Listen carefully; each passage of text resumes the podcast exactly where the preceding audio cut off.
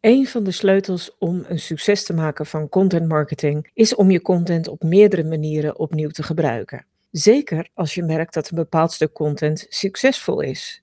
Maar hoe doe je dat? In deze aflevering geef ik je vijf voorbeelden van slim, leuk en effectief hergebruik die je kunnen inspireren.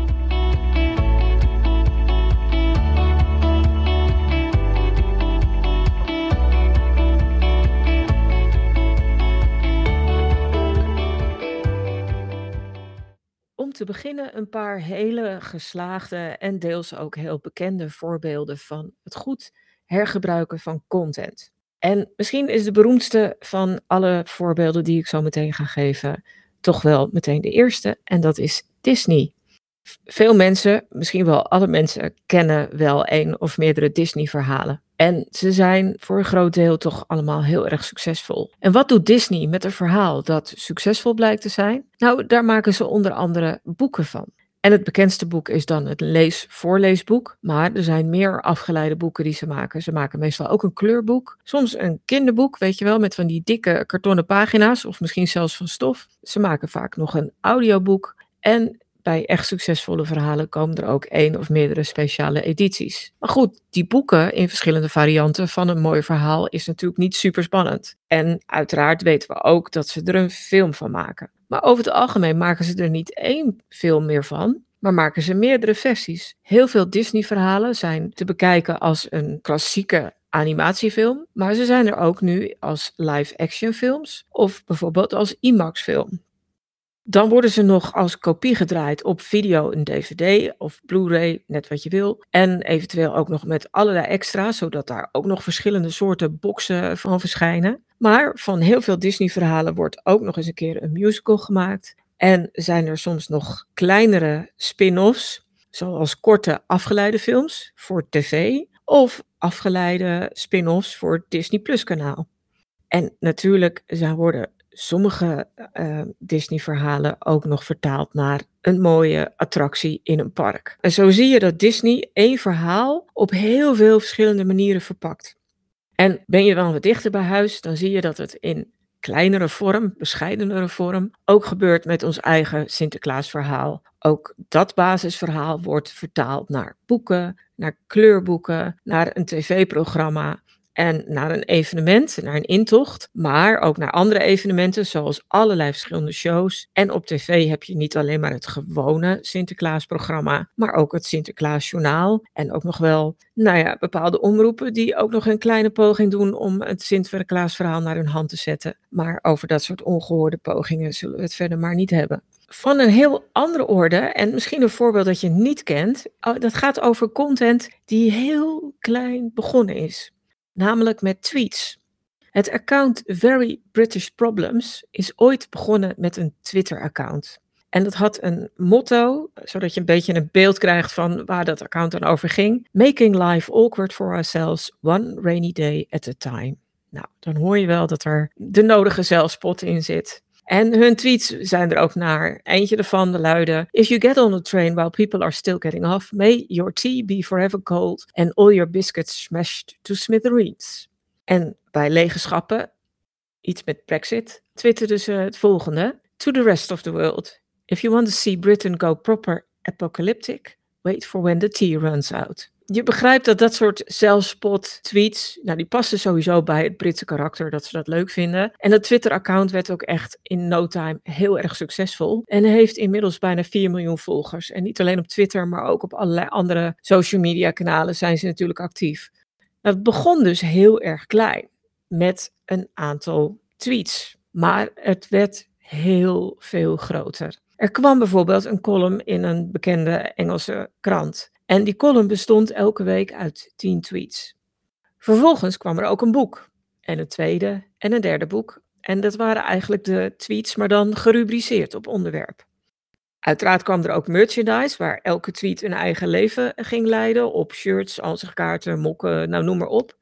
Er kwam een spel en er kwam een tv-serie.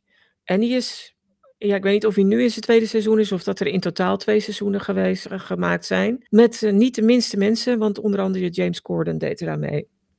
Dus zo zie je hoe je van succesvolle, hele kleine stukjes content, micro-content in feite, hoe je dat met creatief hergebruik tot een hele grote, succesvolle formule kan maken. En degene die hier mentaal eigenaar van is en die alles heeft bedacht, die boekt hier grote successen mee en heeft er een heel leuk bedrijf omheen gebouwd. Een beetje parallel, nou ja, een beetje, is het Nederlandse omdenken. Omdenken was een bepaalde aanpak van problematiek. Maar die aanpak die is vertaald niet alleen naar workshops en, het, en trainingen, maar ook naar verhalen, cases en voorbeelden. Het is ook vertaald naar columns in het Algemeen Dagblad. Bijna iedereen kent wel de omdenken quotes, maar er zijn ook boeken bij. Er is een scheurkalender bij, waar die quotes natuurlijk weer terugkomen. Er is een theatershow en al die content wordt ook nog eens een keer gedeeld in podcasts. Dus ook omdenken, wat ja, op zich toch niet een heel tastbaar concept is en niet een product wat je beet kan pakken, kun je gewoon vertalen naar allerlei soorten content, waarbij je als je de basis hebt er heel veel spin-offs van kunt maken. Gaan we naar bedrijven kijken in Nederland, dan heb ik ook twee voorbeelden voor je. De eerste is de Consumentenbond. Die zijn natuurlijk bekend van de tests en de testuitslagen. En die test en die uitslagen die zijn voor een deel vrij toegankelijk. Maar een deel is ook alleen maar beschikbaar voor leden. En dat bevat dan extra informatie en extra mogelijkheden. Nou, wat zij doen met al die content die ze dankzij die tests en die reviews en, en het vergelijkend ware onderzoek hebben gedaan, is dat ze bijvoorbeeld daar ook samenvattingen maken. En die als gesponsorde content op andere websites publiceren. Onder andere op nu.nl zie je regelmatig samenvattingen van bepaalde tests langskomen. Waarbij je bijvoorbeeld de beste koop en de beste keus voorgeschoteld krijgt. De content, de inhoud en de resultaten van die tests zie je ook terug in hun eigen magazine, de Consumentengids. En allerlei spin-offs die daar weer van zijn, want er is er onder andere één voor financiën, er is er volgens mij eentje over reizen en er zijn jaaredities, bijvoorbeeld over je belastingaangifte. Dus er zijn ook boeken en e-books met bepaalde testresultaten en over bepaalde onderwerpen. Wat ze ook doen, is dat ze korte samenvattingen van de reviews delen in video op YouTube. En dat doen ze ook met kooptips. Dus ze hebben verschillende soorten video's op YouTube, die een afgeleide is van al die testinformatie die ze hebben verzameld.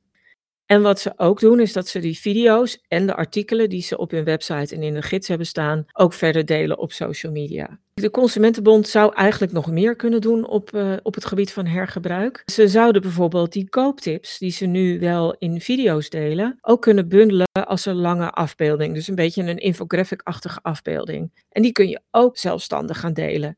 Het zij via andere kanalen, andere websites, het zij via social media. Zoiets zouden ze ook kunnen doen met de samenvattingen van tests en dan bijvoorbeeld de beste drie uit een test ook kunnen bundelen in een lange afbeelding. Of ze zouden een duo visual kunnen maken, waarbij je twee dingen naast elkaar ziet. Aan de ene kant de beste koop en de andere kant de beste uit de test. Dat soort visuals kunnen mensen namelijk sneller consumeren dan een video en kunnen op die manier heel erg nuttig zijn. Dat doen ze nu nog niet, maar op deze manier kun je wel zien hoe je op veel verschillende manieren met specifieke content, informatie om kunt gaan, om die op verschillende manieren te verpakken en zo veel meer mensen te bereiken.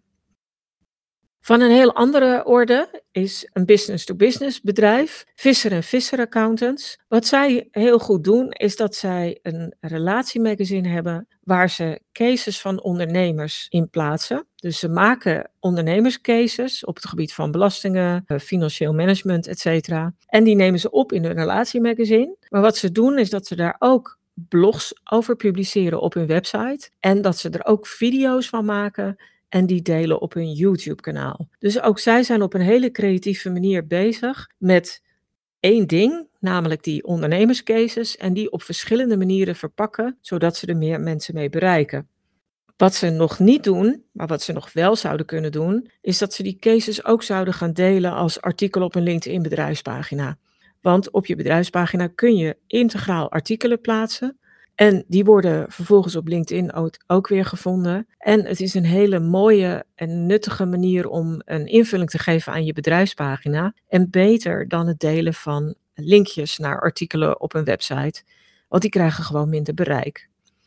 Ze hebben ook een Twitter-account en daar worden ook links naar die artikelen gedeeld. Maar wat ik jammer vind is dat ze daar geen quotes uit die cases delen. Want de meeste ondernemers kunnen best wel goede of krasse uitspraken doen. En ik kan me voorstellen dat die het heel goed zouden doen als losse quote op Twitter. Wat me ook opviel is dat Visser en Visser accountants ook andere blogs publiceert op hun website. En dat zijn, is vaak kennis die gedeeld wordt vanuit een medewerker met specifieke expertise. En, en die staan ook nog een beetje los en op zichzelf. Terwijl die ook heel goed gedeeld zouden kunnen worden in een videovorm omdat het vaak antwoorden zijn op gerichte praktijkvragen. En YouTube is daar een prachtig kanaal voor, omdat heel veel mensen daar met een vraag naar een antwoord zoeken. Dus op het moment dat jij als accountant of financieel adviseur een goed inhoudelijk antwoord deelt op een praktijkvraag, dan is de kans heel reëel dat die gevonden wordt. En los daarvan is het natuurlijk ook een enorme verrijking van een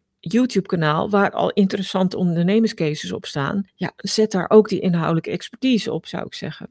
Dus dat zijn een paar voorbeelden van het hergebruiken van content door het ofwel als integrale kopie nog ergens anders te delen, ofwel door het op een iets andere manier te verpakken en zo een groter bereik te creëren.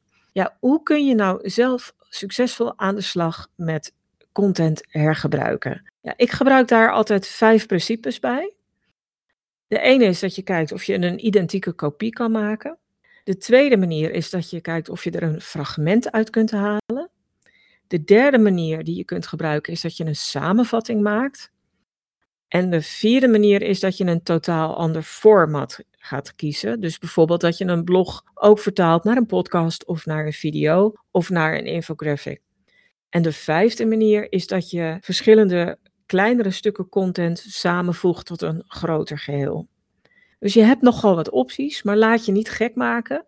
Wat ik vaak adviseer als je wil beginnen met hergebruiken van content, is om een eigen simpele selectie te maken. Zeker in het begin en die gaandeweg wat uit te breiden. Dus kies bijvoorbeeld waar je een identieke kopie plaatst. Misschien maak je er een PDF van die mensen kunnen downloaden. Misschien publiceer je hem als LinkedIn-artikel. Misschien publiceer je hem op een andere website als een gastblog. Zo kun je heel snel met identieke kopieën meer bereik creëren. Je kunt uit een artikel of uit een video een fragment halen en dat los gebruiken. Je kunt een samenvatting maken van een artikel of een video en dat is ideaal als je een nieuwsbrief hebt. Of als je er een social media bericht bij over wil plaatsen met een linkje erbij. En een totaal ander format of een groter geheel maken, ja, dat vraagt wat meer tijd. Dus misschien moet je daar niet meteen mee beginnen. Maar vaak zie je dat de wisselwerking tussen een blog en video vrij gemakkelijk is. Maar hou je niet van video, dan kun je ook kiezen voor een beeldcarousel of een staande afbeelding waarin je de belangrijkste punten onder elkaar zet. Of je pakt drie, vijf of meer kernpunten uit een artikel. Kies daar een aantal beelden bij, waarbij je die hele korte tekst maakt met die kernpunten en animeer ze tot een video. En nou ja, dat lijkt al een beetje op een samenvatting ook, maar dan giet je hem wel in een ander format. En zo kun je van een succesvol blog kun je ook veel meer content maken die je her en der kunt gebruiken.